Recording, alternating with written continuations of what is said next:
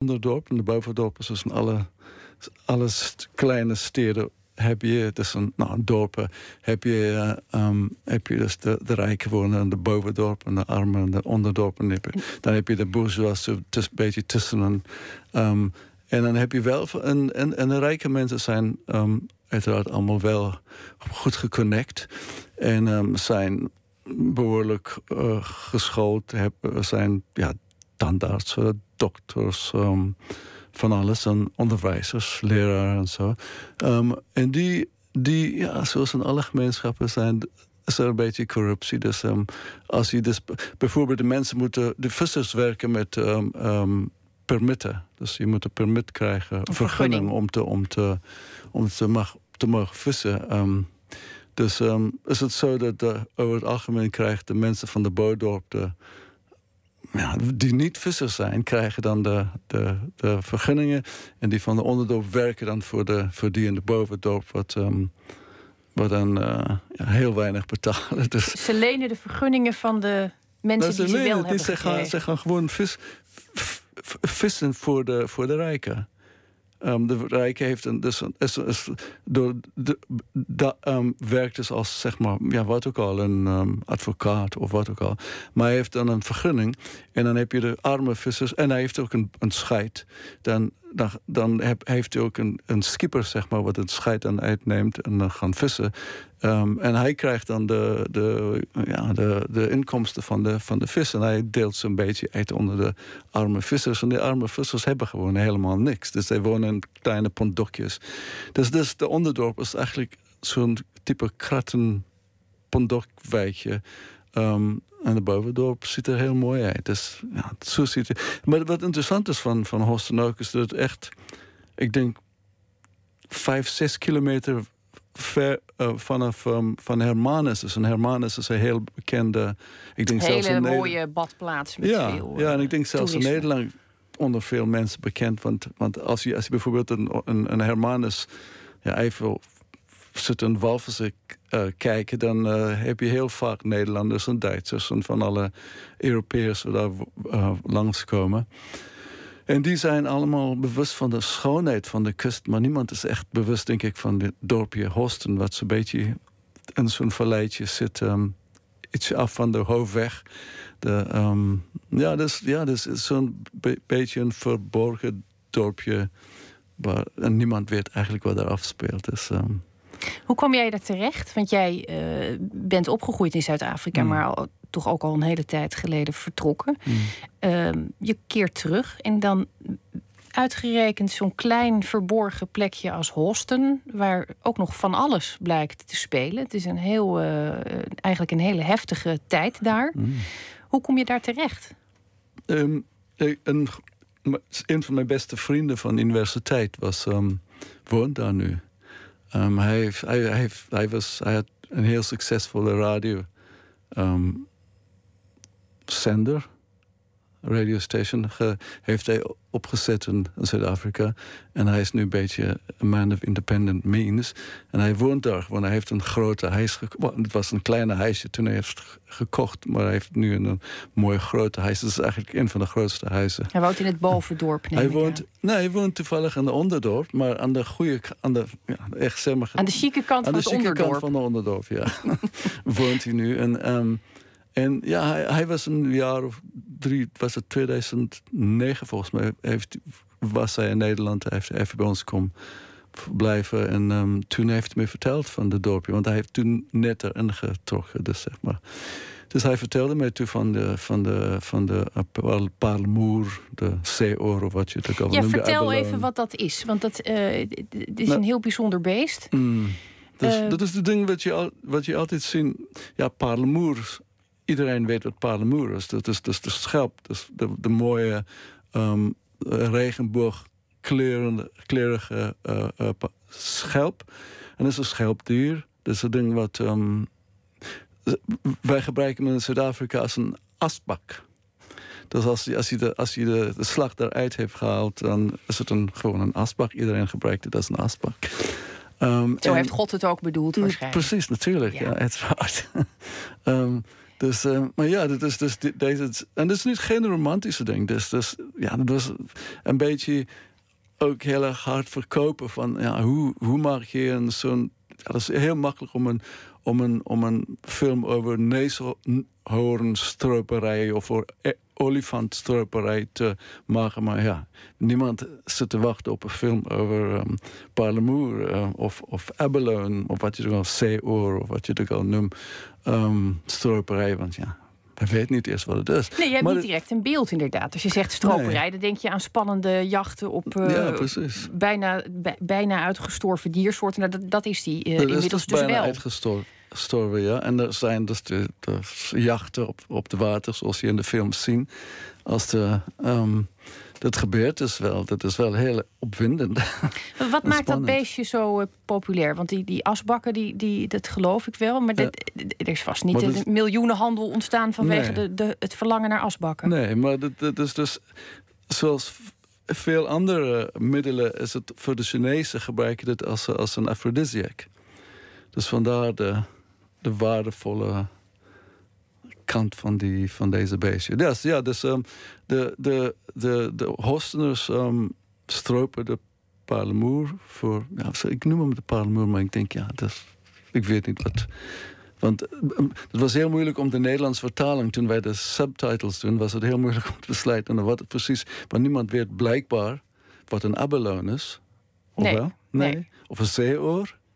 Want dat is ook de Ja, dat- Duitse naam daarvoor. Ja, dat zou misschien nog. Maar ik, ik denk Maar dat dat is ook een andere naam. wat ik denk... bij de perlemoer weet iedereen wel ongeveer Wel, wat het is. Ja, ja, ja. ja. Ja. Ja, zo dit, zo dit, is, um, dit, is, dit is begonnen, want toen, toen ik nog op universiteit zat en voor die tijd, ja, wist iedereen op dat kust, weet, weet natuurlijk wat, wat een perlemoen is. Dat is gewoon iets wat je op een vakantietijd ga je, dan ga je naar je s- of zo, naar je badplaats, en dan ga je perlemoer uithalen. Dus, um, en eten en zo lekker braai maken met perlemoer en zo. En dat is, dat is gewoon een, een, een, een levensstijl.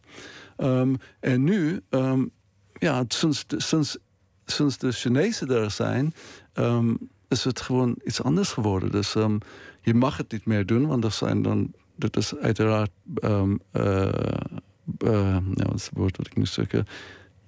Dat is een, omdat het bedreigde species is, mag je dit gewoon niet meer uithalen. Dus, dus Het is een bedreigde Ja. soort. En, Ja. eh, maar de regering in Zuid-Afrika is zo ver gegaan dat er zelf een, een eh, shoot-to-kill policy ja, precies. bestaat. Ja. Dus op het moment dat, dat mensen betrapt worden op het stropen van dit dier, dan, dan, dan mogen ze zeg maar ter plekke ook worden. In principe ja. In principe ja. Ja, ja. Voor, als, ze het, als ze bedreigd voelen, natuurlijk. Als Ja. de politie dus bedreigd voelt. Maar Dus- de, de, want het is ook zo dat er gangsters in het gemeenschap is. En die gangsters zijn bijna altijd gewapend.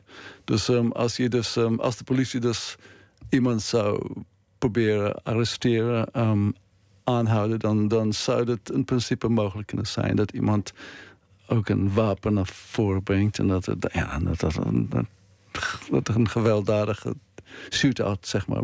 nou ja, ik, ik dat zei het net wel. over de, de, de, de, de, kogels eh, vlogen om je oren. Dat zei ik in de Mm. aankondiging. Maar dat, dat, dat is, eh, in- de film komt dat eh, voor. Mm. Het, is, Ja. het is geen spelletje. Nee, absoluut. Dat is heel erg Het gaat, serieus. gaat om natuurlijk. mensenlevens Ja. vanwege die ontzettend leuke schelp. En niemand weet dus hoe die Steven, die jongen in het film, de zoon van, van Tim en Janine. Ja, iedereen weet hoe hij, hoe, hoe hij ehm, dood is, maar ja, dat wordt niet erkend door de regering. ja, eh, je volgt in, in, in de film drie eh, verhalen. Eén daarvan gaat dus over eh, Steven. Die jongen is omgekomen op een manier die, die voor, de, voor de kijker denk ik wel in ieder geval suggestief duidelijk genoeg is. Daar is iets misgegaan. En de autoriteiten die, die, die houden eigenlijk de boot af. Zijn ouders zoeken naar Mm. rechtvaardigheid. Dat is één van de verhalen. Je hebt ook het verhaal van Sherman. Dat is een eh, man die wel gaat stropen. Omdat hij zegt, ja, ik moet toch iets. Maar je ziet aan hem eigenlijk dat hij het ook wel naar zijn zin heeft. Nou, hij heeft geniet het echt. Ja, dat voor hem was het echt een adrenaline. Een feestje. Ja, dat is een adrenaline rush. Hij vindt het echt, ehm, de leven echt saai zonder die- opwinding. Want hij is, hij is echt een goede dijker. Hij is echt een van de beste dijkers op dat hele kust eigenlijk. Dus ehm, eh, ja, hij doet het goed. En hij doet, ja, dan hij, zich ook goed als hij, als hij een dag lang heeft gedoken met al die, met de meeste parelmoes, zeg maar, eruit komt. En, uh, ja, dat is gewoon een. het kan hem zijn leven kosten. Het kan hem zijn leven kosten, ja, absoluut. Ja. En daarom ook dat zijn vrouw zo er tegen gekant is. Ja. Zij wil het absoluut niet. Jij kwam heel dichtbij. Je hebt heel veel met hem ook gewerkt. Dat betekent dat je. Uh, nou ja, je brengt de kijker daarmee ook heel dichtbij. Hmm. Het zijn illegale uh, activiteiten. Er zitten ook heel veel geheimen in de film, waar je als kijker deelgenoot van wordt gemaakt. Soms zelfs hele ongemakkelijke geheimen. Hoe ben je zo dichtbij gekomen? Want dit lijkt mij toch een gemeenschap die niet zit te wachten op een. Nou ja, dan ben je ook nog wit en uh, je woont in, in, Nederland. En dan kom je daar. Hoe, hoe kom je daartussen? Als je zegt ongemakkelijke um, geheimen, dan wat bedoel je daarbij? Wat heb je in gedachten? Nou, er zit. Specifiek? Er is een, de, de, de vrouw van uh, Staghi. Oh, die, uh, ja. die op een gegeven moment. Ellen, ja. ja, dat is ook een, een, een verhaallijn in de mm. film. Die, de, vrouw besluit op een gegeven moment van nou, ik, ik, wil het niet meer. Dat weten wij eerder dan haar man. Mm. Dat vond ik een heel ongemakkelijke situatie. Ja, ja, ja. Dat, is, dat is inderdaad. Die en, het, en het tekent hoe dichtbij je bent gekomen. Dat je dat soort bekentenissen krijgt. Hoe, hoe kom je daartussen? Mijn, mijn, mijn verhaal aan mezelf en aan hen was gewoon dat ik wil hun verhaal vertellen. Dus, dus met, met iedereen met wie ik een gesprek ging, was mijn, was mijn houding dat ja, als jij je verhaal wil kwijt, uh, dan, ja, dan is het nu het moment. Want um, het is, gaat hier kennelijk mis in Houston. Iedereen ziet het jullie weten het, wij, wij weten het. We zijn hier om jullie verhaal echt een beetje aan de wereld te vertellen. Dus um, als je het wil vertellen, nu is het moment. Als je het niet wil vertellen, dan gaan we jullie helemaal niet. We zijn hier niet om jullie te, te, te expose, zeg maar. We zijn niet journalisten. We zijn hier absoluut niet om jullie, jullie voor gekken te houden. We zijn hier echt om jullie verhaal eens aan de wereld te vertellen. Dus en dan geleidelijk aan, gewoon door te praten, het, dan wen, je een vertrouwen. Dus, um, ja, wij, wij, zijn heel, we komen heel dicht bij de mensen. Wij, wij hebben dus in Hosten gewoond en we waren er gewoon elke dag. Dus iedereen kende ons. En dan word je vertrouwd gezien. Ja, ja, ja, geleidelijk aan word je...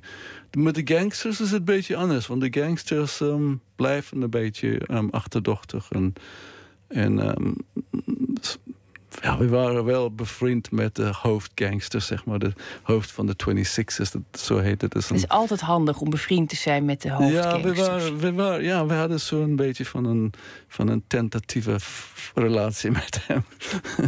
um, maar zijn, zijn, zijn gangleden, die waren... Ja, die gingen...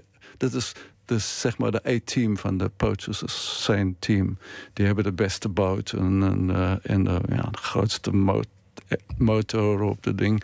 Um, en um, ja, de beste wetsuits en van alles. Dus um, ja, dat, dat ziet er echt uit als de ja. ja. Ja, dus die gangsters dan komen. En dan, dan moet je met de camera weg uit het baai. Het havertje, dat heet Dubai. Dan moet je er gewoon weg. nou, uiteindelijk, tegen het einde van de film was het niet meer een probleem. Ze zagen ons en zeiden, oké, okay, well, ze kennen ons toen al, dus het maakt niet zoveel uit. Dus, uh, maar ja, zelfs de gangsters aan het einde waren uh, ja, nogal chill. dus, ja. het, dus het was niet meer zo'n groot uh, probleem. Maar zo op die manier geleidelijk aan. En ja, geleidelijk aan hadden we drie verhalen. En iedereen wist dat we hun verhaal gaan vertellen. En met Sherman was het een beetje anders, want hij is niet. Iedereen is een beetje een, een, een victim, maar Sherman minder dan de anderen. Want hij, hij heeft meer een sens, een, een van ja, beheer van zijn eigen leven een beetje. Terwijl Stachy Ellen, ja, dat is heel moeilijk om te zeggen, van zij zijn echt een, een, een, de eigenaars van hun eigen leven als het Ze zitten meer gevangen, denk ik, in hun bestaan dan dat ze het leiden. Ja. Dat ze daar invloed op uitoefenen. Ja, ze zijn echt gevangen, ja. Die, um, terwijl Sherman, um, hij is in een vrij goede familie getrouwd. Want hij is eigenlijk oorspronkelijk een buitenstaander. Hij is pas daar aangekomen toen hij 16 of zo was. En hij wordt nog steeds een beetje beschouwd als een buitenstaander. dus, dus um, maar um, Ja, maar hij is, een, hij is een cowboy. Sherman is echt een cowboy. Dus, um, dus ook vandaar dat hij, hij dacht, ja, wow, ik doe het gewoon. En um, ja, als het, wat ook al de gevolgen zijn. Want, ik, want we zien hem gewoon gaan, gaan uh, stropen. Dus, um, ja, we zien dus, hem ook achtervolgd worden, beschoten ja, en, ja, en aan de ja, precies. Ja. Dus, Jij zegt, ik, ik, ik, ik heb die mensen langzaam maar zeker duidelijk gemaakt dat ik hun verhaal wilde vertellen. Waarom wilde jij dat? Wat, wat was het belang voor jou om dit verhaal te vertellen? Wat, wat greep jou aan? Nou, voor mij is het belangrijk om als ik film. Voor mij is authenticiteit een, een, het eerste principe van film sowieso. Dus, um, dus um, en, en een ander ding is, wat ook voor mij belangrijk is, de filmmaker, is dat ik, ik ben, um, ik heb meer interesse in de psychologische type verhaal. Dus minder dan in de issue-driven type sociologische verhaal. Dus voor mij gaat het om de mensen en de, en de meer intieme momenten en, of meer intieme ervaringen van, van de mensen. Als, als, als, in plaats van om een issue.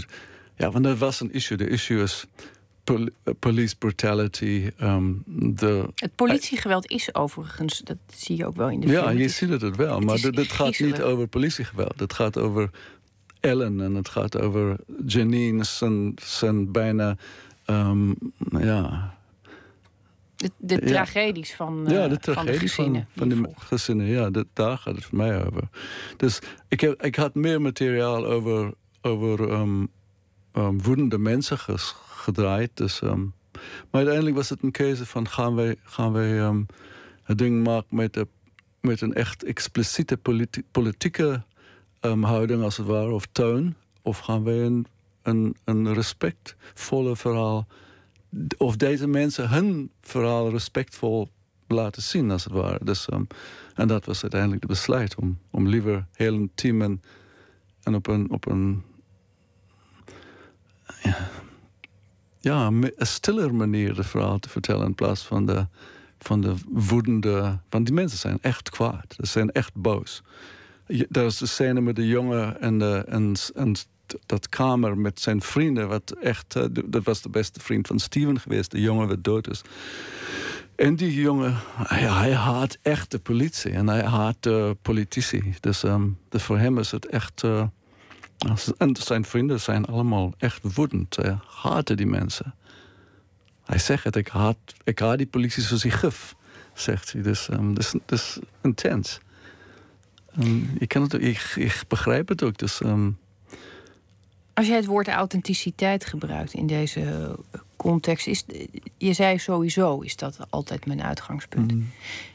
Is dat iets wat al jouw films met elkaar gemeen hebben? Is het, is het, zit dat in jouw manier van werken? Dit is wat ik probeer te doen, ja. ja. Sinds, sinds ik in Nederland ben. Dus, um, mijn, mijn oorspronkelijke films waren Hollywood-type films. Um, ik heb een film voor Miramax gemaakt um, toen. Um, maar toen, toen, toen, ben ik daar weggegaan, want ik wou niet meer die type Amerikaanse dingen doen. Dus uh, ik wou Europese, zeg maar, arthouse films maken. Um, en, en ik kwam, ben... die, kwam die beslissing zomaar? Of dat daar iets. Daar zit, een, daar zit een, een, een breuk als je tot dan toe een bepaald type film en je besluit: ik ga dit nu anders doen. Wat... In Zuid-Afrika toen was het mogelijk om. Maar ik, ik, had, ja, ik ben wel een fan van Hitchcock, zeg maar. Dus ik, ik vind wel thrillers wel mooi. Dus, uh, als het goed gedaan zijn. Um, dus um, dus ik, ik vond het wel leuk dat ik met die dingen kon beginnen. En dan mijn, zeg maar, mijn skills kon ontwikkelen. Gewoon op een, op een min of meer commercial type um, film maken. Dus, maar, maar dit was niet wat ik echt wou doen ik heb filosofie gestudeerd. Ik wil iets doen wat ietsje meer. En psychologie heb ik ook gestudeerd. Dus ik wil iets doen wat ietsje dichterbij aan de, aan de werkelijkheid kwam. Dus, dus ik wil films maken dat, dat, ja, dat een tenminste, dat ik zou voelen, zou in principe een verschil. Of gewoon iets waar je, waar je bij, dichter bij de mensheid kunnen komen. Gewoon. En dat doe je niet in, over het algemeen in Hollywood-films, wat mij betreft. Dus uh, zijn wel independents, maar de, behalve voor de independence is het eigenlijk gewoon formules. Dus, um, dus de, mijn idee was dus toen, toen, toen ik naar Nederland kwam, we, we gingen weg uit Zuid-Afrika en uit Hollywood. Um, uh, ik heb de rechten voor een, voor een boek van Richard Kapuscinski gekregen. Ik weet niet of je dat uh, jullie kent. Dat is een Poolse journalist wat heel mooie boeken schrijft over zijn werk in Afrika onder andere. En van hem ik heb de recht gekregen om zijn, zijn boek um, Another Day of Life te, ja, een draaiboek te verfilmen. Ja. Um, en wij hebben toen twee jaar op de Azoren in San Miguel gaan wonen. Terwijl ik de, boek, de, scenario heb geschreven van het boek. En toen, na twee jaar op een hele kleine eilandje, was het een beetje genoeg. En, en was het ook tijd. Dus de scenario was af. Dus ik, wij wilden dus nu... Ik moest dus toen de, de, de financiering gaan zoeken voor de film. En, uh, ja, en, en, wij moesten echt ergens dichter bij de Europese continent komen. En um, ja, toen hebben we toevallig in Nederland beland, eh, terechtgekomen. Dus, uh. en, en geworteld inmiddels. Ja. Waarom ben je weggegaan uit Zuid-Afrika? Want het is nou, uh, paradijselijk. En zeker dat gebied, dat zie je ook trouwens in de film terug. Ja, het is een onvoorstelbaar mooi landschap. Ik, ik kan me voorstellen. Nederland is ook heel erg mooi. Ja. Vind je dat? Ik vind het echt zo. Ik vind het echt mooi. Als je rond, ik ga elke, bijna elke dag ga ik rond Hilversum wandelen of fietsen. En dat is echt mooi. Als je hier in de bos gaat lopen of op de hei of wat ik wil. Ik vind het echt mooi. um, dat is anders dan Zuid-Afrika. Maar uh, het is ironisch. In Zuid-Afrika moet je een uur of twee rijden om, om aan de natuur te komen. Hier is het vijf minuten bij van mijn voordeur en dan ben ik, ben ik al in de natuur. Dus, uh, ja, we hebben wel een overzichtelijk uh, landje. Dat ja, is heel nee, is, ik, ja, ik vind het ook heel erg mooi. En ik vind de seizoenwisseling heel erg mooi. En zo. Maar anyway, dit gaat dus niet wat je alles wil weten. Maar, maar oké, okay, dus um, waarom ik weg ben, waarom wij weg zijn gegaan. Um, ik, had, um, ik heb tussen, tussen Los Angeles en Johannesburg mijn drie films tussen die twee uh, dorpen, dorpjes, steden gemaakt. Um, en um, dus mijn vrouw en kinderen waren in Johannesburg. Dus ik was heel veel niet in Johannesburg. Dus uh, toen was mijn, mijn dochter was. Toen we weggingen was mijn dochter rond acht en mijn zoon drie. En dus ik had, op dat moment ja, heb ik drie films voor Hollywood gemaakt. Ik was een beetje ja, kapot van de reizen tussen Los Angeles en, en um, Johannesburg. Dat was de één. Twee, ik wou, ik wou helemaal niet meer die type Hollywood-formules maken. Dat was, um, ik wou nu uiteindelijk iets gaan doen wat ik echt wou doen. Maar de belangrijkste, de, de, de, doorslaggevende op dat moment was toen, uh, toen is, um, is ik ben een lefty, ik ben echt links. Dus ik ben vrij radicaal links in mijn, in mijn eigen politieke wereldje. Um, dus um, ik, ik, ik had echt een probleem met P.W. Botha. Ik weet niet of dit jou een bekende naam is. De, de nationalistische president. Um, uh, dus die had ik al een hele grote problemen. En toen, toen hij, de, toen hij de, de bewind overgaf aan, aan overdroeg, overdraagt aan, aan, ehm, aan uh, de klerk, was het voor mij echt, ja, oké, nu ja, was het gewoon tijd om hier weg te komen. Want het was gewoon niet, niet ja, je hebt... Eh, langer te. En ik wil niet dat mijn kinderen onder deze systeem groot worden, dus we moesten iets anders gaan doen. Dus, je bent met de film toch uh, teruggegaan en eigenlijk ook een heel mooi eerbetoon aan een gemeenschap die, die exemplarisch is voor de problematiek daar. Mm. Ehm, de film gaat binnenkort in première. Ik, uh, die, ook in Zuid-Afrika. Ik ben heel benieuwd hoe dat afloopt. En ik hoor dat heel graag nog even van je. Mm. Mm. Dank je wel dat je hier was om over de film te praten. Straks na het nieuws gaan we verder met het tweede uur van Nooit meer slapen. Dan is er onder meer aandacht voor de nieuwe seizoenen van de misdaadseries True Detective en Broadchurch. En we zoeken contact met schrijver Arie Storm, die op Twitter laat weten inmiddels gesloopt te zijn. Dat en meer straks na het nieuws van 1 uur.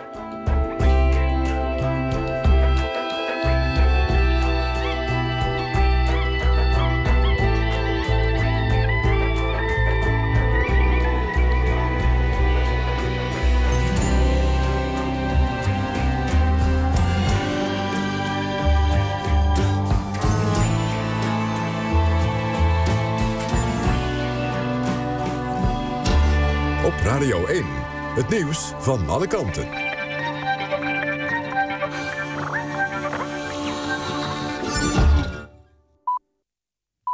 Het is 1 uur, Patrick Holtkamp met het NOS-journaal. Het Amerikaanse leger heeft in 2008 mogelijk per ongeluk anthrax naar een laboratorium in Australië gestuurd. Er wordt nog onderzocht of de stof ook op andere plekken is terechtgekomen.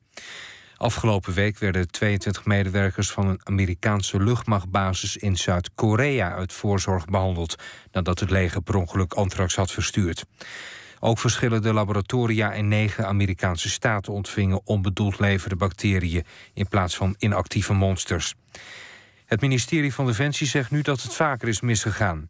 Mensen die in contact komen met anthrax kunnen last krijgen van ontstekingen van de huid of luchtwegen. Zonder behandeling kan het dodelijk zijn. De KNVB accepteert niet dat Sepp Blatter is herkozen als voorzitter van de Wereldvoetbalbond FIFA. Directeur Bert van Oostveen noemt het systeem in en in verrot en zinspeelt op de vorming van de nieuwe bond. Volgens hem wordt niet alleen in Europa zo gedacht, maar ook in Amerika, Canada, Australië en een aantal Aziatische landen. Blatter kreeg op het FIFA-congres 133 stemmen tegen 73 voor zijn uitdager Prins Ali van Jordanië. In Pakistan hebben gewapende mannen twee bussen gekaapt. Daarbij kwamen 19 passagiers om het leven. 50 anderen werden vrijgelaten. Een andere groep van zo'n 25 passagiers werd gegijzeld en meegenomen de bergen in. Pakistanse veiligheidstroepen zouden inmiddels zes mensen hebben bevrijd. De kaping was in de regio Balochistan, waar separatisten strijden om meer autonomie. Burgemeester Jorritsma van Almere vindt dat er een nationale aanpak moet komen van radicale geestelijken. Ze zegt dat ze niets kon doen tegen de komst van zogenoemde haatpredikers naar een islamitische conferentie in Almere. Ze zal de bijeenkomst dit weekend scherp in de gaten houden. Het weer. Er trekt nog even regen over het land met forse windvlagen. Later vannacht wordt het rustiger. Overdag een enkele bui, maar ook geregeld zon en een graad of 14. Dit was het NOS Journaal. NPO Radio 1. VPRO. Nooit meer slapen.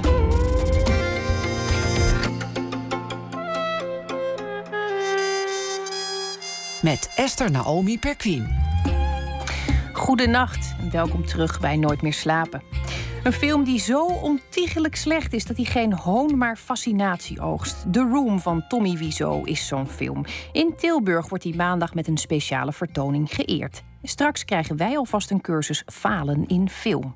En op de Twente Biennale is een karavaan van caravans neergestreken... die gevuld zijn met absurde verzamelingen. We spreken met de initiatiefnemer, beeldend kunstenaar Pet van de Luidgaarde. Maar we beginnen dit uur weer met een schrijver of dichter die reageert op wat er in de wereld is gebeurd. En deze week houden we dat vol met Arie Storm. Hij publiceerde een tiental boeken, waaronder de romans Afgunst en Gevoel en Luisteren hoe de huizen ademen. En het recent verschenen Maans Stilte. Daarnaast is hij bekend als vertaler en uiteraard als literair criticus voor Het Parool. Arie, goedenacht. Ja, goedenacht. Je hebt, het, uh, ja. je hebt het doorstaan. Uh, ja, ja, nou, ik vond het leuk om te doen, maar het is net als met uh, oudejaarsavond of zoiets. Als je lang moet opblijven, terwijl je dat toch wel gewend bent, dan wordt het opeens wachten. Ja. Ja, maar uh, ja, het is de laatste keer. Nou, ik heb ook met smart uh, op jou gewacht, moet ik nou, zeggen. Ja. hoe heb jij de dag beleefd? nou ja, je zei het net, ik heb net een boek uit, Maan Stilte. Ik dacht, het is de laatste keer, dus dan zal ik niet direct me, mezelf in het zonnetje zetten, maar toch wel iemand die dicht bij mij staat. Um, het is natuurlijk een heel spannende periode als er een boek uit is, want er komen er allemaal recensies. En uh, dat zijn natuurlijk heel verstandige mensen die over je schrijven. En daar heb ik ook helemaal geen commentaar op, of dat moet iedereen zelf weten. Maar ik vroeg me af, hoe zou mijn romanpersonage daar nou tegenaan kijken? Daar heb ik een stukje over geschreven. Nou, ik ben benieuwd. Ja, hij heet uh, August Voice. Het stukje heet dus een romanpersonage. In het parallele universum dat literaire fictie is, schoof August Voice bij zijn bureau niet meer dan een kleine tafel met een wit tafelblad waar een computerscherm op stond en een heleboel diffuse troep op lag, zijn stoel naar achteren. Hij had de krant door de brievenbus horen duwen. Even later las hij de verbijsterende recensie over het boek waarin hij de hoofdpersoon was. Hij vond het lastig een romanpersonage zijn. Normale mensen beschikten over een privéleven. Ze konden niet op elk willekeurig moment bekeken worden. En er was niemand die een gedachte kon lezen. Bij hem lag alles open en bloot op straat. Een lezer hoefde een boek waarin hij voorkwam maar open te slaan. En daar stond het allemaal. Dat hij, August, in plaats van zijn vrouw, een jonge student begeerde. Dat hij met allerlei moordplannen rondliep. En dat hij van alles en nog wat onder de, onder de douche en in de wc uitspookte. Hij herinnerde zich iets uit een oude tekst. Was het een gedicht van de romanticus Coleridge geweest? Hoe dan ook, daar was sprake van een man bij wie in de borst een venster werd geplaatst, zodat iedereen zijn hart kon zien. In de recensie die hij nu las, werd van alles en nog wat over hem beweerd. Alles was waar. Hij had dit allemaal meegemaakt. Inclusief het zich voorstellen van zijn wederopstanding als een rups die in een vlinder verandert. Terug naar de vlinder die hij ooit was. Zoologisch klopte het misschien niet helemaal, maar hij stelde het zich heel concreet voor. Het opduwen van de oogsprieten. Het verpulveren van de vetcellen tot iriserend vleugelpoeder. Het kraken van de paarlemoeren scheden. En daar is hij, August, wankelend op haardunne, kleverige poten, dronken, hijgend, verblind door het licht, maar al snel weer wennend en scherp uit zijn ogen loerend. De recensent merkte op dat de vertedering waarmee de auteur zijn hoofdpersonage bezag, wat potsierlijk aandeed. Maar waarom, vroeg August zich af. Hij werd de hele dag door die auteur bekeken. Dan was het minste wat die auteur kon doen, enigszins vertederd zijn. Hij, August, had toch al geen leven, geen eigen leven.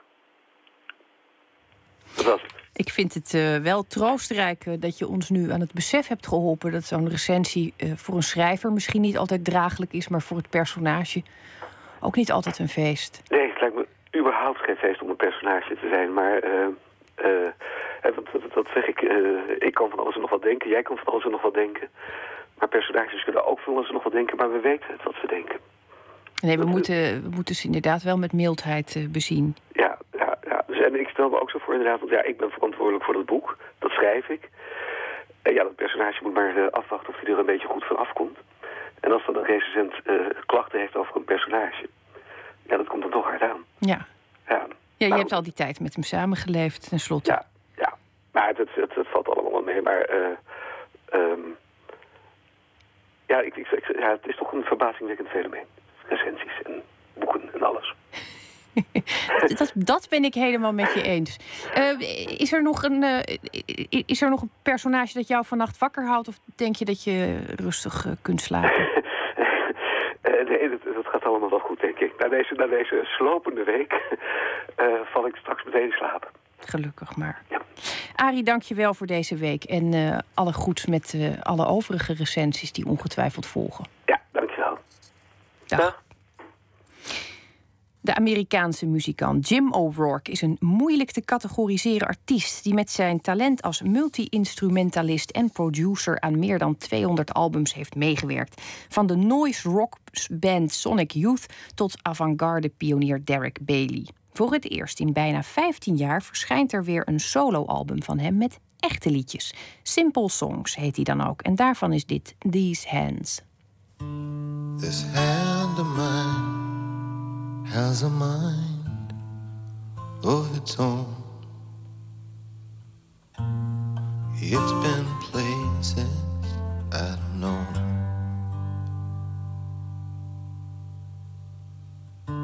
Sometimes I feel that it's been somewhere warm, somewhere that I wouldn't go.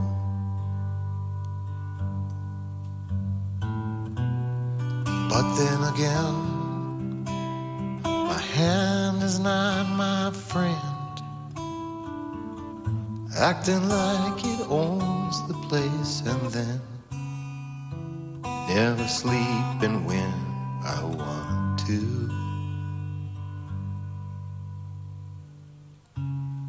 Always have somewhere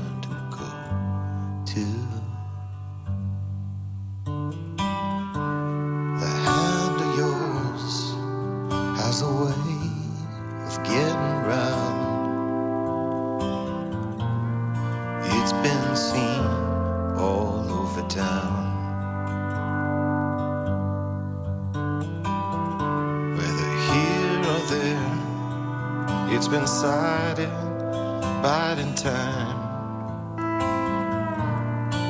Just wait.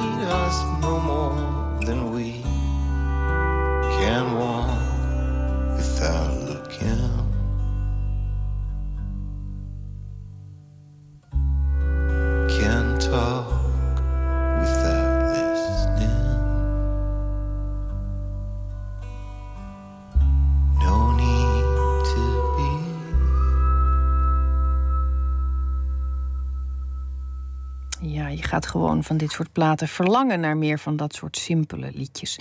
Simple Songs was dit soloplaat. En daarvan draaiden we het nummer These Hands.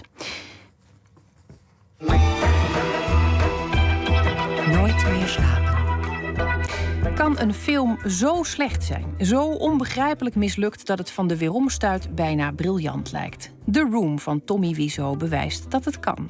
De film heeft een fanatieke schare fans die niet genoeg krijgen van de masterclass in falen. Komende week wordt The Room in Tilburg vertoond. Een mooi excuus voor verslaggever Maarten Westerveen om het fenomeen te onderzoeken.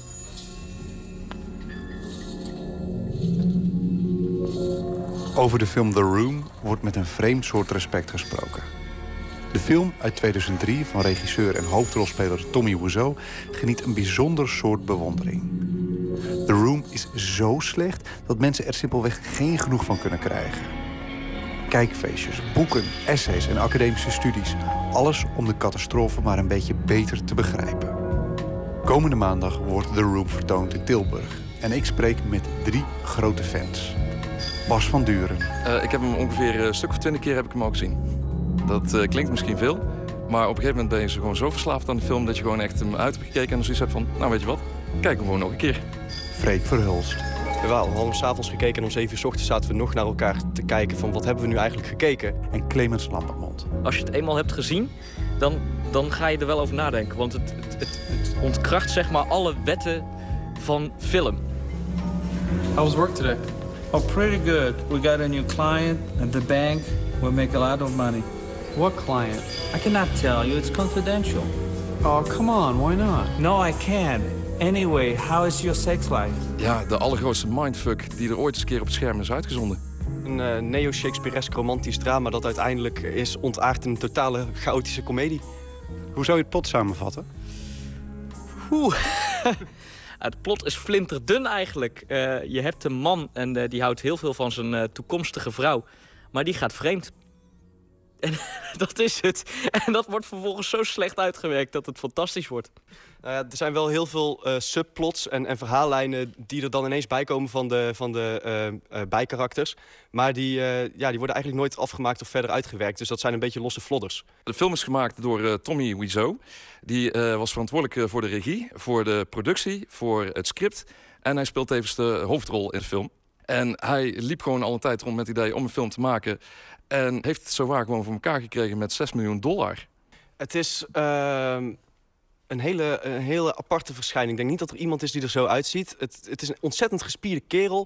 Maar hij heeft tegelijkertijd ook een beetje een, een, ja, een, beetje een vleeshomp van een, eh, van een hoofd. En het is ook echt de meest onaantrekkelijke man die ik ooit heb gezien. en eh, hij heeft dan heel, heel sluik, eh, vettig, zwart haar. En hij praat met een vies Oost-Europees accent... terwijl hij zegt dat hij uit Louisiana komt. Dus het is allemaal... ja, het is echt een, een waanzinnig mysterieuze man. Wat zijn je associaties als je hem ziet? Ja, ik, ik zit toch echt wel te denken in een soort Lord of the Rings karakter, zeg maar. Eigenlijk. Je hebt ja, een soort van uh, troll is het bijna als je hem ziet. Maar dan wel met een soort bijna metroseksuele kledingsmaak. Door allemaal jasjes te gaan dragen. Maar daar, daaronder dan ook weer gewoon uh, uh, baggy jeans en zo. Het is, het is echt inderdaad een ontzettend raar figuur. Trollachtig wezen om te zien. Hi babe. I have something for you het plot is dus eenvoudig. Hoe kan het dit dan fout gaan? Totale onervarenheid. En wel gewoon de gusto hebben om iets eh, voor elkaar te kunnen krijgen. En het lef hebben. Hij heeft een ontzettende pot van lef ergens zitten. Want het gaat hem echt bijna op het gemakkelijke af. Dat bijvoorbeeld, uh, waar de film ook heel erg bekend om staat... is dat hij op een gegeven moment vond dat er iets meer props in scènes tevoorschijn moesten komen. Heeft een hele lading aan uh, allemaal schilderijframepjes gehaald... om ze allemaal te gaan positioneren. Er zaten standaard foto's in van lepels. En hij is zoiets van, ah, weet je wat... Laat gewoon lekker zitten. Prima. De film zit vol met lepels.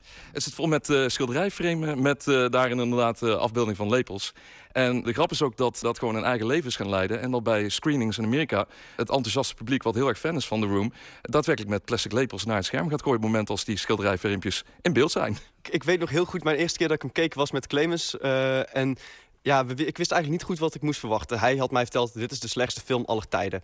Um, hij had hem zelf ook nog niet gezien, maar we waren allebei heel benieuwd. En ongeveer, uh, je, je, begint met een enorm lange intro met allemaal mooie shots van San Francisco. En dan ongeveer na anderhalve minuut komt er een totaal ongeïntroduceerd uh, jongetje de kamer binnenlopen. En die vraagt eigenlijk of hij mee naar bed mag met het stelletje uit de film.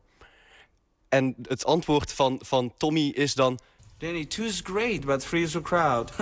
en dat was het moment dat ik dacht, dit kan een vermakelijke avond worden. Ik zag hier je vinger opsteken. Ja, ik, zat, ik wou echt exact hetzelfde zeggen. Inderdaad, het moment dat dat, dat soort man-jongen geval... Uh, die acteur is 26 toen hij die rol speelde. Maar eigenlijk is hij een jongetje van 15. Super bizar. En dat hij dan een soort van triootje voorstelt. Op dat moment heb je toch wel zoiets van wacht even. En dat dan zich vervolgens dat ook nog eens ontpopt in een hele ongemakkelijke seksscène... die vervolgens in de film ook nog eens een keer exact wordt gecopy-paste... ja, dan heb je wel zoiets van, oké, dit is wel het meest bizarre wat ik ooit heb gezien waarschijnlijk aan films. Ja. Jij zei, alle wetten worden met voeten getreden. Oh, leg eens uit, want dat valt mij altijd op aan de room. Je weet pas dat het wetten zijn op het moment dat je ze in de room gewoon geschonden ziet worden. Ja, um, camerawerk, cameratechnisch is het belabberd. Dingen uit focus, uh, pens die niet worden afgemaakt, uh, hele rare zoomshots. En dat was allemaal omdat Tommy Wiseau dus al heel erg wou experimenteren. Everything goes wrong at once. Nobody wants to help me, and I'm dying. You're not dying, Mom. I got the results of the test back. I definitely have breast cancer. Het camerawerk is belabberd. Uh, de, de, de, de mensen die acteren alsof ze eigenlijk geen mensen zijn. Het is echt, je zou iemand niet kunnen zeggen, ga zo acteren, bijna.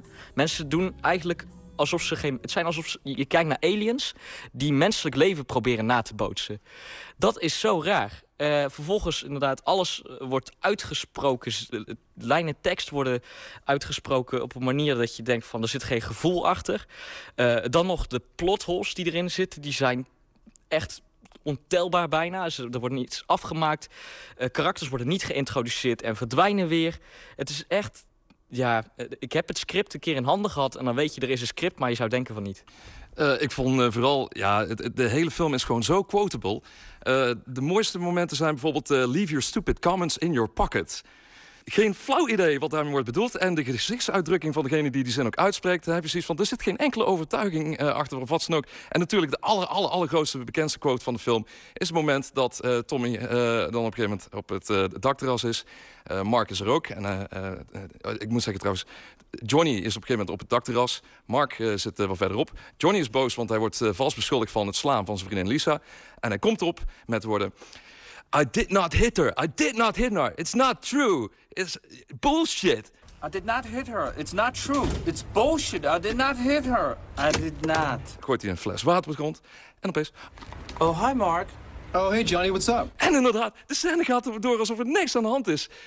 Het is gewoon een, een, een uh, bijna collageachtige film van, van hoogtepunten, dieptepunten. Uh, het, het is ja, bijna cubisme in film. Ik uh, moest een beetje denken aan de eerste keer dat ik zangerines zag op YouTube. Ehm, dat, dat is ook een jongen die ontzettend zijn best doet... en ervan overtuigd is dat hij heel goed is in wat hij doet. Een beetje rapper Shorts, dat soort figuren.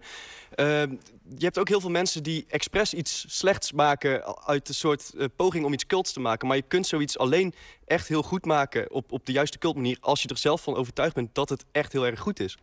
Ja, want hij is er echt van overtuigd. Ja, absoluut. Hij heeft de film ingestuurd voor een Oscar... en is teleurgesteld dat hij niet de beste film heeft gewonnen. Kan toch niet? Ja, het is wel waar. Ja, en het is zelfs zo, ehm, wat Bas net ook zegt, je ontdekt steeds iets. En dat komt ook omdat door de hoeveelheid uh, gaten in het plot... valt er voor de kijker heel veel in te vullen. En Tommy Wiseau heeft dat uh, nu zo gedraaid dat hij dat nieuw entertainment noemt. Hij zegt nu, ja, maar als ik die verhaallijnen wel had afgemaakt... had je die vraag niet gesteld en had je hem niet nog een keer gekeken. Het, het, eh, hij, hij staat nog steeds achter zijn film. Ja, 100 procent. Uh, uh, maar hij weet dat er een hele subcultuur nu rond zijn, rond zijn falen is gebouwd. Uh, ja, alleen ik weet niet of hij wil accepteren dat het rond zijn falen is... of dat hij het überhaupt ziet. Maar hij speelt er wel heel goed op in... door bijvoorbeeld onderbroeken met zijn naam erop te verkopen. En dat loopt als een trein. Dat loopt als een trein? Ja, ja. Ik heb mijn broertje er een gegeven voor zijn verjaardag.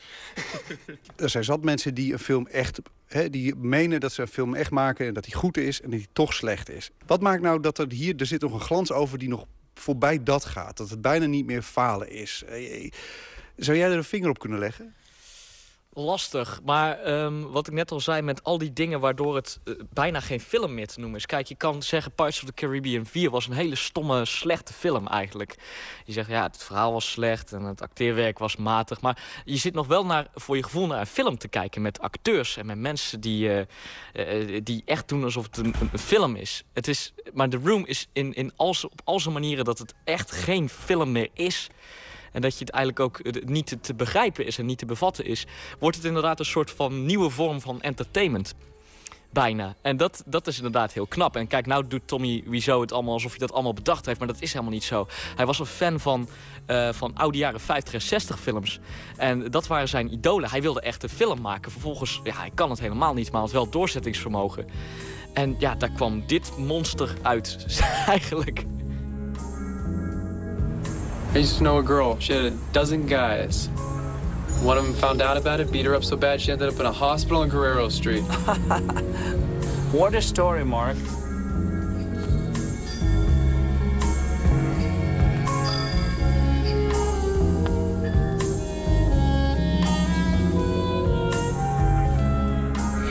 U hoorde Maarten Westerveen in gesprek met Bas van Duren, Clemens Lambermond en Freek Verhulst over de film The Room. En zij zorgen er gedrieën voor dat dit pareltje weer vertoond wordt. Komende maandag in het MIDI Theater in Tilburg. Dan kunt u ook lepels naar het scherm komen gooien. Komende zondag en maandag doet Fleetwood Mac ons land aan met hun On With The Show Tour. Ondanks de vele wisselingen in bandbezetting treden ze nu weer op in de originele line-up. In 1977 brak de Brits-Amerikaanse band door met het album Rumors en daarvan is dit Songbird.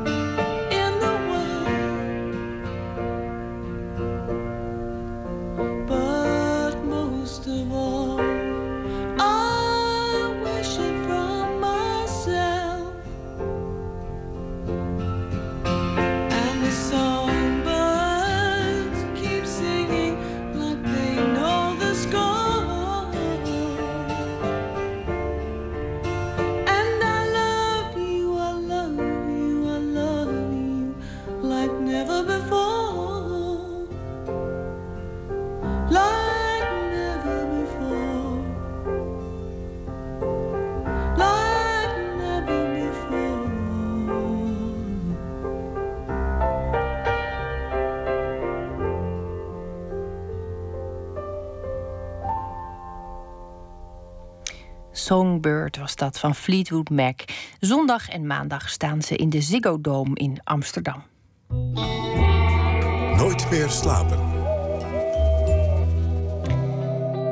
Iedere vrijdag bellen we voor een culturele tip met een van VPRO's smaakmakers. En vandaag doen we dat met Ilse van der Velde, onze specialist op het gebied van televisieseries. En als redacteur werkzaam bij de VPRO-gids. Ilse, goedenacht. Hi, goedenacht. Terwijl het uh, televisieseizoen zo'n beetje ten einde loopt, gaan de televisieseries gelukkig onverstoord door. En uh, daarom dacht ik, laten we beginnen met Broadchurch. Het eerste Mhm. seizoen van die uh, Britse misdaad-drama-serie werd ruim een jaar geleden uitgezonden. Behoorlijk populair, 1 miljoen kijkers. Mhm.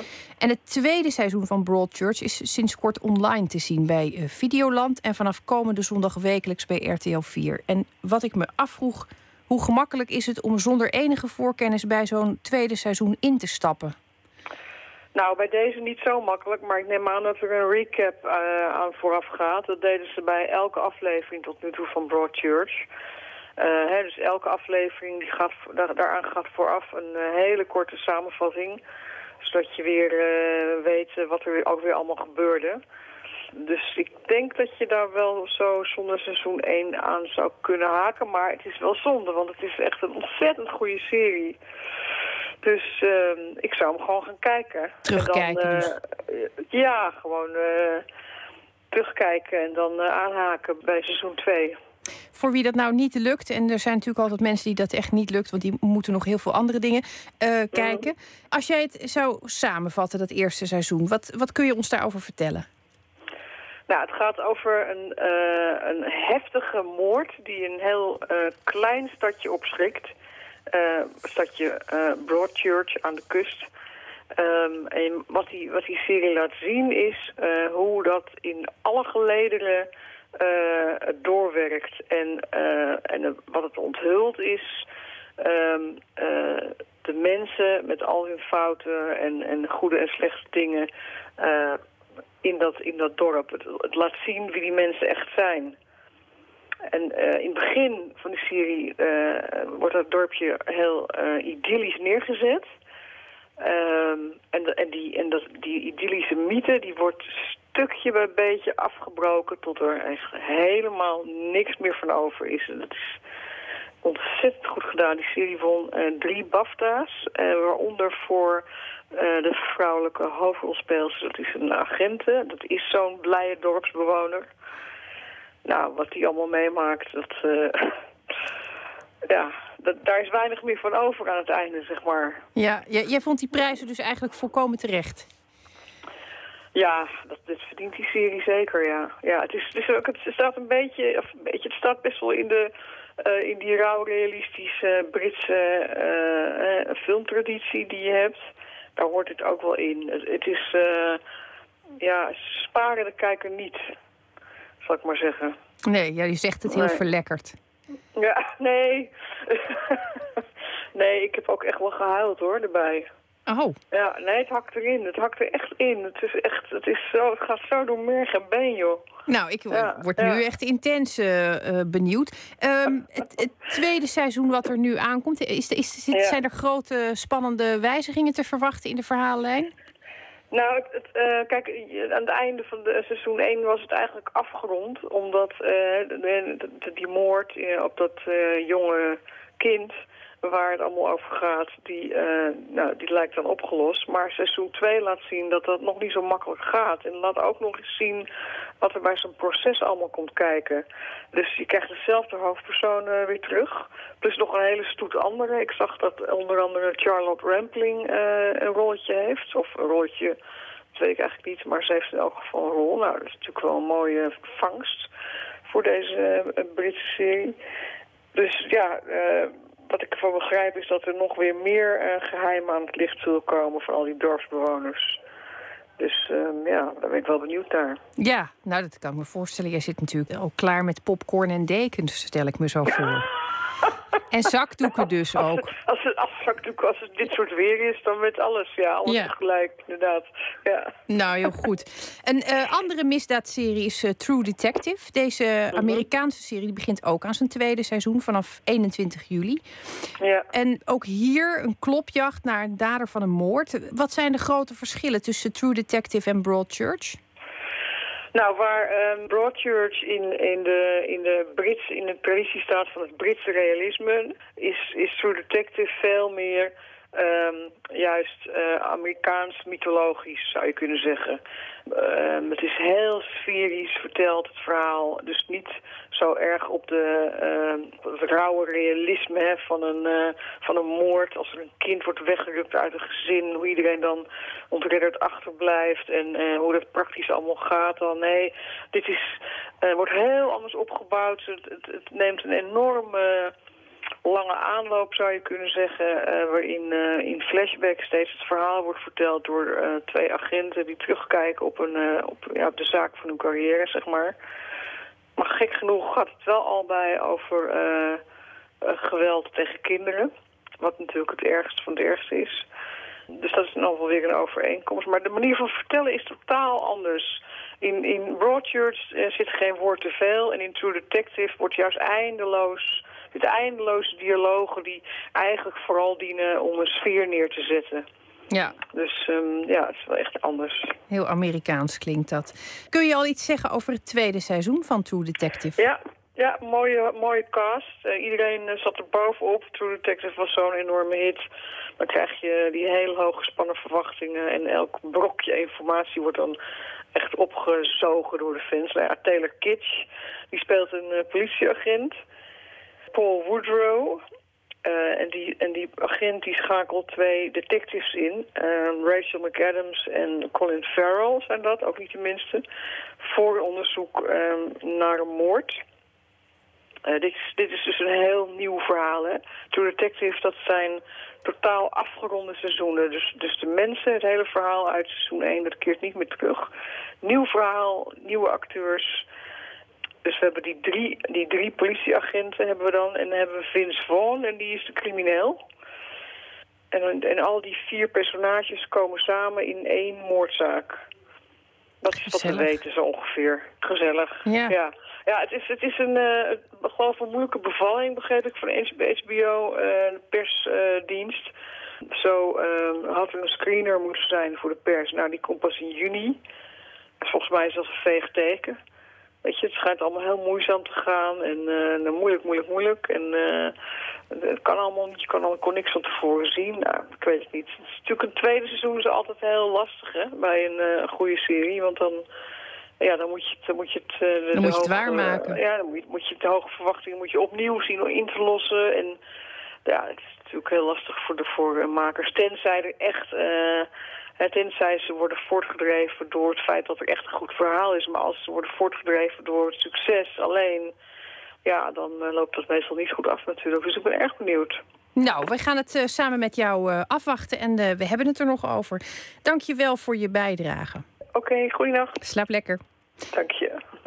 En wie meer wil lezen over de besproken series... kan natuurlijk terecht bij VPRO Cinema via de website cinema.nl.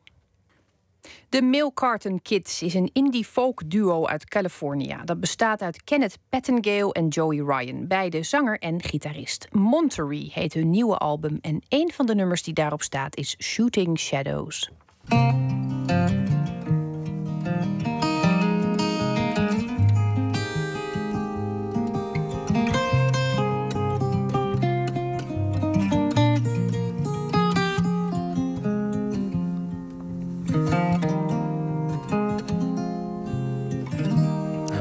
Out walking early in the mornings. You're probably sleeping or still hungover.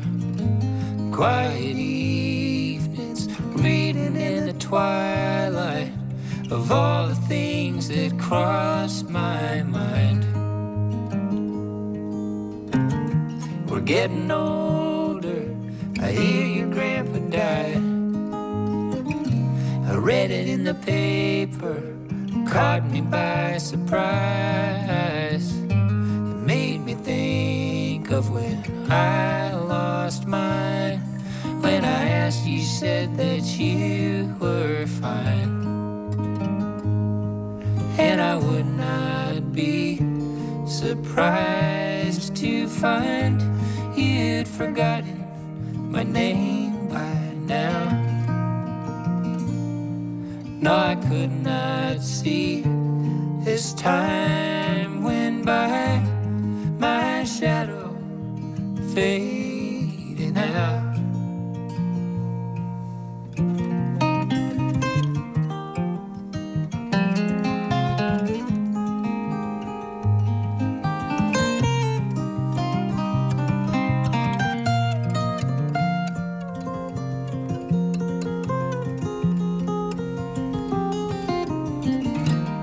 tough as nails.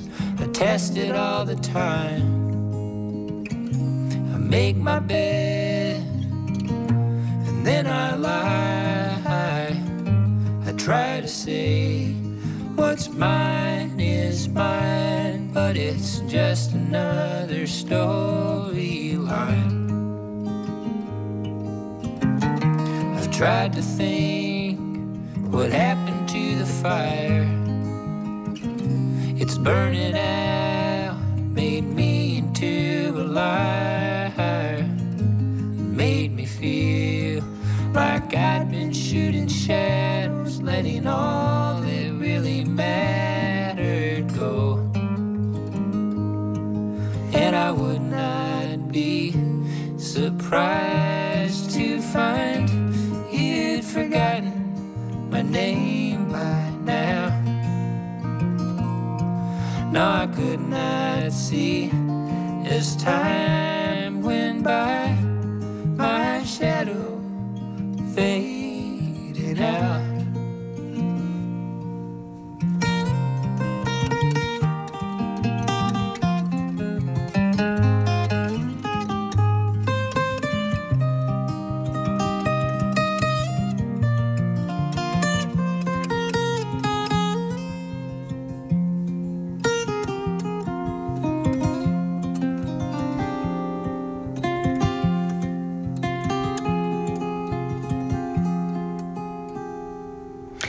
Shooting Shadows was dat van de Milk Carton Kids. Nooit meer slapen. Fotograaf en kunstenaar Pet van de Luitgaarde verzamelt verzamelingen. Hij koopt ze op via Marktplaats van mensen die er vanaf willen. Tienduizenden aanstekers, petjes, Lego-steentjes, oude tv's, kruisbeelden... de inhoud van verrassingseieren, knuffels... en al bijna vergeten plastic prullen die ooit een raasje waren... zoals Furbies en Flippo's. Er zijn heel veel spullen op de wereld. Dat kun je alleen maar concluderen als je het werk van Van de Luitgaarde ziet. Hij toert nu door Nederland met een karavaan bestaande uit 25 caravans. Elke caravan is ingericht met één van zijn deelverzamelingen en samen vormen ze een museum. Deze week streek de karavaan neer in Enschede in het kader van de Twente Biennale. Emmy Collau ging er kijken. Even kijken, nou, laten we maar bij de, bij de A van aanstekers beginnen. Kijk, dit gaat dus heel lang duren.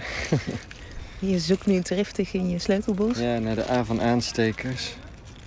Het, is nog, uh, het enige uh, wat er gejat is tot nu toe zijn de dildo's. Dus, uh... Welke dildo's? uit de dildo caravan. Deze caravan is wit geschilderd. Ja. Een beetje met een soort marmermotief. Ja, ja, klopt. Heel goed gezien. Ehm, ja, dit is, deze, de, de is, deze hebben we aan school gegeven. en christelijke school, een, een van de christelijkste scholen van Nederland. Ja, zij kwamen zelf met kruisen en aanstekers. Dus dat vond ik wel grappig. Ik dacht, ja, ik ben zelf katholiek opgevoed. Maar uh, ja, dus het vond ik wel grappig dat zij daar, daar heel graag iets mee wilden doen. En nou ja, dus dit is het resultaat. Uh... Ja, je ziet dus heel veel aanstekers en kruisen. Ja, ik, kan het, ik ben niet zo goed in het omschrijven van ander, andermans werk. Maar, ehm, het zijn, dit is het witte deel van je aanstekercollectie. Ja, ja, klopt. Ja. Ja, ja, dus we hebben natuurlijk alle kleuren, maar de wit, ja, wit waren de meeste van. Weet je hoeveel er zijn? Eh, de totale aanstekers waren er iets van 50.000 of zo. Maar ja, dit zijn er denk ik, eh, ja, een paar duizend, denk ik. Max 5000. Ik had ook een kruisenverzameling. En eh, nou ja, dat, eh, die is hier mooi eh, tot zijn recht gekomen. Ja. Het heeft een beetje een creepy sfeer. Ja, het is ook niet mijn eh, meest eh, favoriete caravan. Maar eh, nee, ik vind het wel grappig wat... eh, nou ja, wat, wat- het is wel grappig dat je dit niet zou verwachten van een eh, middelbare school. Dus dat is wel weer... Dat vind ik juist het leuke ervan. Alle spullen gaan om hoeveelheden. Ik bedoel, de absurditeit van de hoeveelheid spullen die we hebben. Dus we hebben, nou ja, dus daar, er staan daar vandaar 50.000 aanstekers. Omdat je denkt van ja, wat, waar moet je ermee? Ja, deze is rood beschilderd. Dit is de Lego Caravan. En eh, nou ja, we, we hebben, zoals je ziet, eh, staan er allemaal wat bouwsels. Aantal, de meeste zijn in elkaar gezakt eh, de- vanwege de reis, wil ik maar zeggen. Dus die hebben de reis eh, niet eh, doorstaan, maar het is een soort tsunami doorheen gegaan. Hoe moet ik me dat voorstellen dan? Je gaat naar Marktplaats en dan zoek je op Lego. En, Ja. ja, volgens mij staan er echt eh, tienduizenden advertenties met mensen die Lego aanbieden. Dus Ja. welke koop je op dan? Meestal wel de meeste, maar ja, en, en de goedkoopste. Dus de, waar je veel voor weinig krijgt, weinig krijgt. Ja. Oh, dit is de dildo caravan zo Ja, te zien. zo. Hier moet je een. Heb hier alleen geen. eh, Ik zit eh, vast met eh, hele stevige tie-rips, dus dat ga ik niet. Heb, ik heb geen schaar bij. Maar goed, je kunt ook van buiten naar binnen kijken. Nou ja, je ziet veel dildo's zijn geschilderd en hebben er mooie piercings gekregen.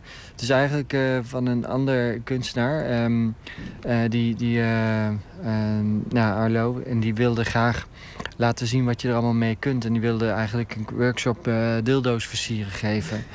Dus, eh, maar mensen kunnen het zelf ook doen. Dus ze kunnen zelf gewoon naar binnen gaan en eh, een dildo pakken en die versieren, die piercen of eh, whatever. En is dit eh, ooit één verzameling geweest? Heb je dit in één keer bij iemand Ja, thuis ja, ja. opgehaald? Ja, ja, ja, dit waren ja, 50 dozen of zo. 50 dozen met dildo's en nog andere, andere erotische producten. maar 50 dozen, dus er waren duizend dildo's. Ja, zo. duizend ongeveer. Ja, klopt. Ja, dus dat eh, was een partij. Ja, ergens iemand uit België die had dat of zo. Die is, eh, geen idee hoe hij er weer aan kwam, maar eh, nou ja. Maar ze hangen ook aan touwtjes aan het plafond. Ja, klopt ja. ja. Dus dat bungelt lekker rond. Dus dat is wel leuk om te zien. Als je, zeker als het rijdt. Dan beweegt het allemaal lekker op en neer.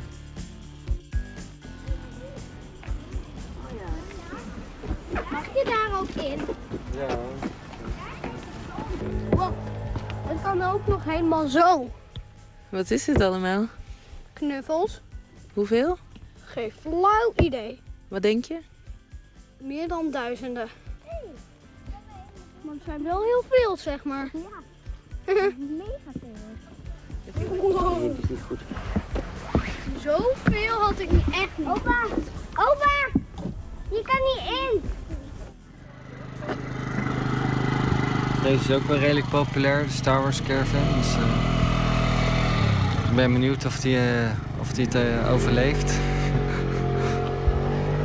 Maar waar laat jij al die spullen?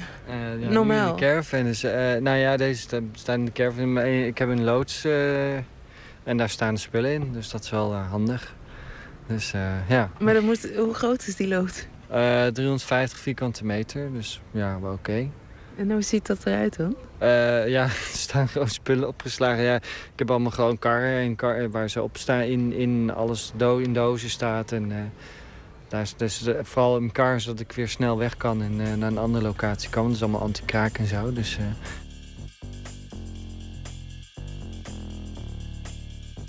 Een paar jaar geleden begonnen natuurlijk al die eh, opslagbedrijven kwamen ineens eh, als bosjes eh, uit de grond.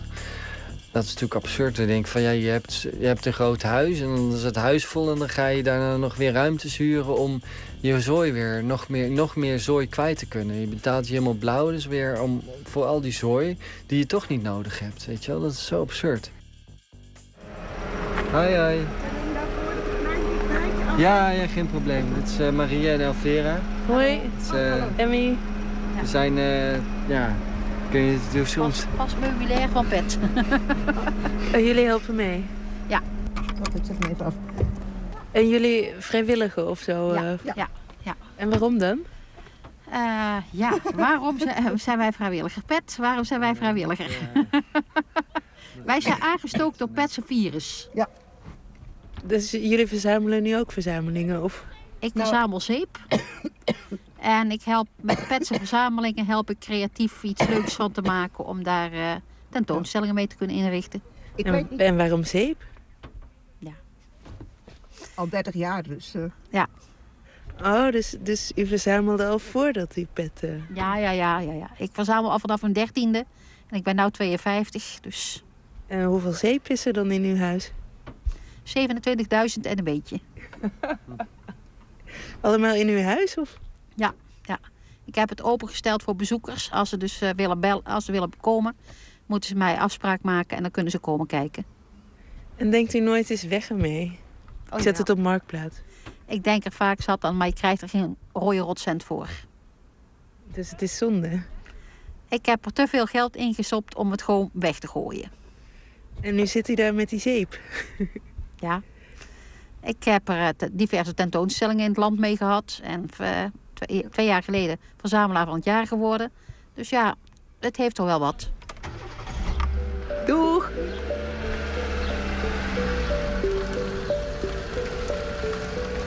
Inmiddels zijn we in de koffiecaravan.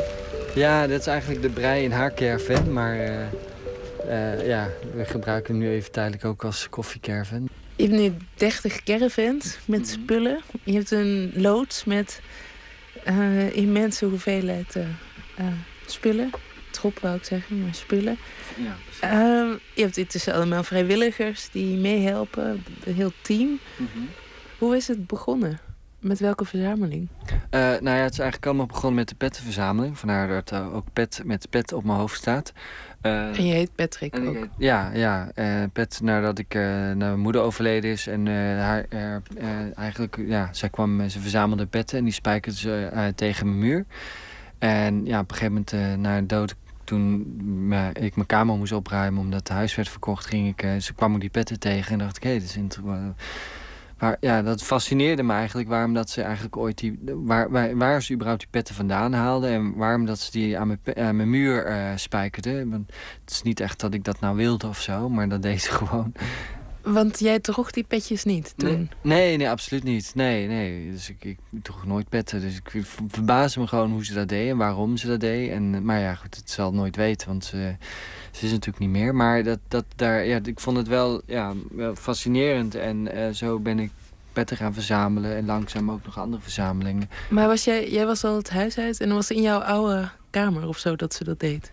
Klopt, ja. Ja, daar hingen ze nog. En eh, ja, dat is dan leuk als je dan ja, lang, lang, la- ja, als je daar nooit meer bent geweest, dan kom je ineens weer terug en dan zie je al die jeugdherinneringen. En dan, dat, ja, dat is gewoon wel, wel mooi om te zien. Of ja, dat vond ik wel bijzonder om te zien. Maar die pettenverzameling die ontstond dus in de eerste instantie als een soort ode aan je moeder. Ja, ja, klopt, ja. ja dus dat was de eerste, eerste verzameling die eigenlijk, eh, ja, die daarvan afgeleid, ja, die, die van, ja, nou, als een ode aan mijn moeder inderdaad.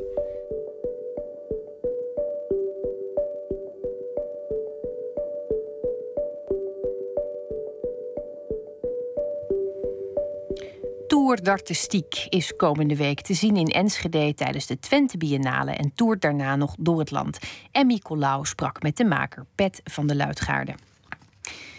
Unknown Mortal Orchestra is de band rond de van origine Nieuw-Zeelandse multi-instrumentalist Ruben Nielsen. Een typische gitaarjongen die pas echt tot leven komt als hij een gitaar in handen heeft en dan ongestoord zijn gang kan gaan. En dat gebeurt op Multi Love, de nieuwe plaat van Unknown Mortal Orchestra. En wij gaan luisteren naar The World is Crowded.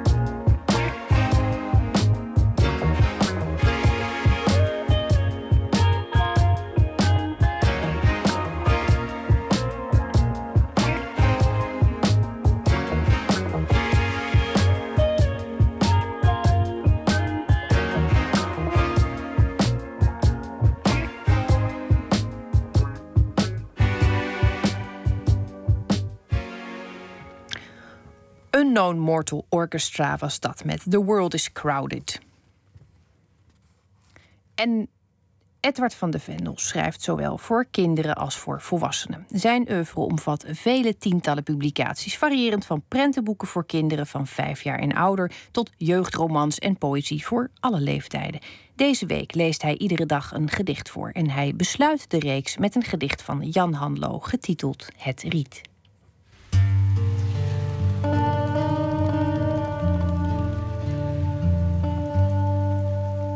Dit gedicht is van Jan Hanlo, de grote klassieke dichter, hoewel die op zijn anti-klassieks dicht. Hij uh, schreef bijna bij elk gedicht weer een heel ander vers. En dit is een wat onbekender gedicht, het heet Het Riet.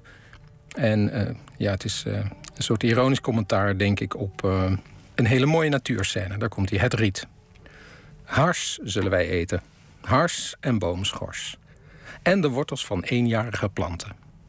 De sterren sissen op mijn tong en op de bodem van de beek adem ik water. Hoog op de paarse artisjokken strek ik mijn leden uit. Want een boot vol vlinders zoekt, blind en met versleten doel, naar jou. Rullen kippen dromen met gematigde verschrikking. Maar morgen eten wij boomhars, hars en boomschors. En blauw zal alles zijn, blauw en meesterlijk de zandweg en het griend. En verder in het riet zitten de meeuwen, wit. Zij kennen het gevaar nog niet. Het grote rietveld weeft zich dor, geel, verdord, maar aangenaam en droog. Want boven is het blauw. En ach, het meer zal ook wel blauw zijn. Te midden van het riet zitten de meeuwen op hun nesten. Grote, witte, grijze meeuwen van toen ik door de regen werd geraakt, voortdurend aan mijn naakte mouw en varens. Man, mans hoge varens. En ook wel lager. Mijn haren kamden, doedelden. En maar met dauw bestreken en kleine stukjes haar.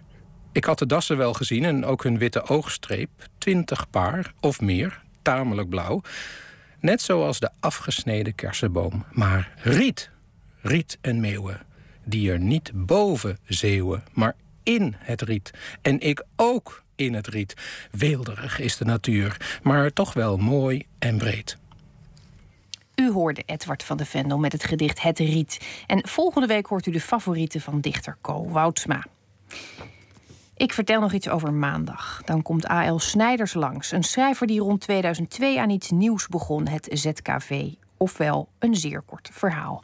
Aanvankelijk deelde hij de korte verhalen met een select gezelschap per e-mail, maar vanaf 2006 worden ze ook gebundeld in boekvorm uitgegeven. In zijn nieuwe boek De Libelleman zijn de stukjes gebundeld die hij de afgelopen twee jaar schreef. Dat is maandag, dan is Pieter van de Wielen er weer. Maar straks kunt u eerst luisteren naar Woord.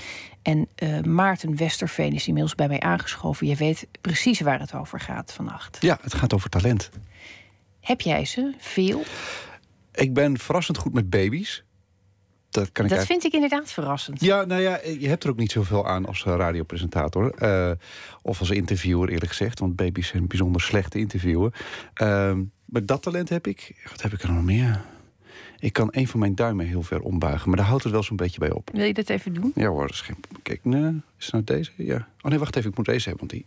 Kijk. Oh, nou dat is inderdaad extreem ver. Ja, dat dacht ik ook. Nou, die twee, daar moet ik het mee doen in deze wereld. Uh, en voor de rest, uh, ja, straks in woord gaan we mensen aan het woord laten die uh, een stuk bedrevener zijn en het verder hebben gebracht met hun talenten.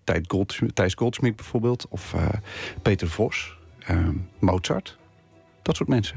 Zitten er nog talenten bij die je zelf dolgraag zou willen kapen? Chet Bakers, trompettalent. Niet zijn talent voor heroïne. Ik denk uh, dat nee. Ik denk dat trompet uh, spelen en baby's wel weer heel goed samenkomen. Dat vermoed ik ook. Ja. We gaan uh, daar straks naar luisteren. En de andere wonderkinderen en laadbloeiers komen ook langs.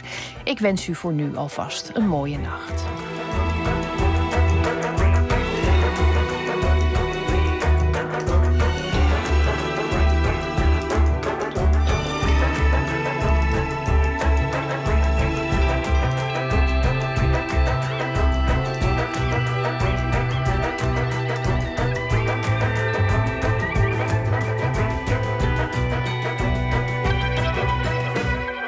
Radio 1.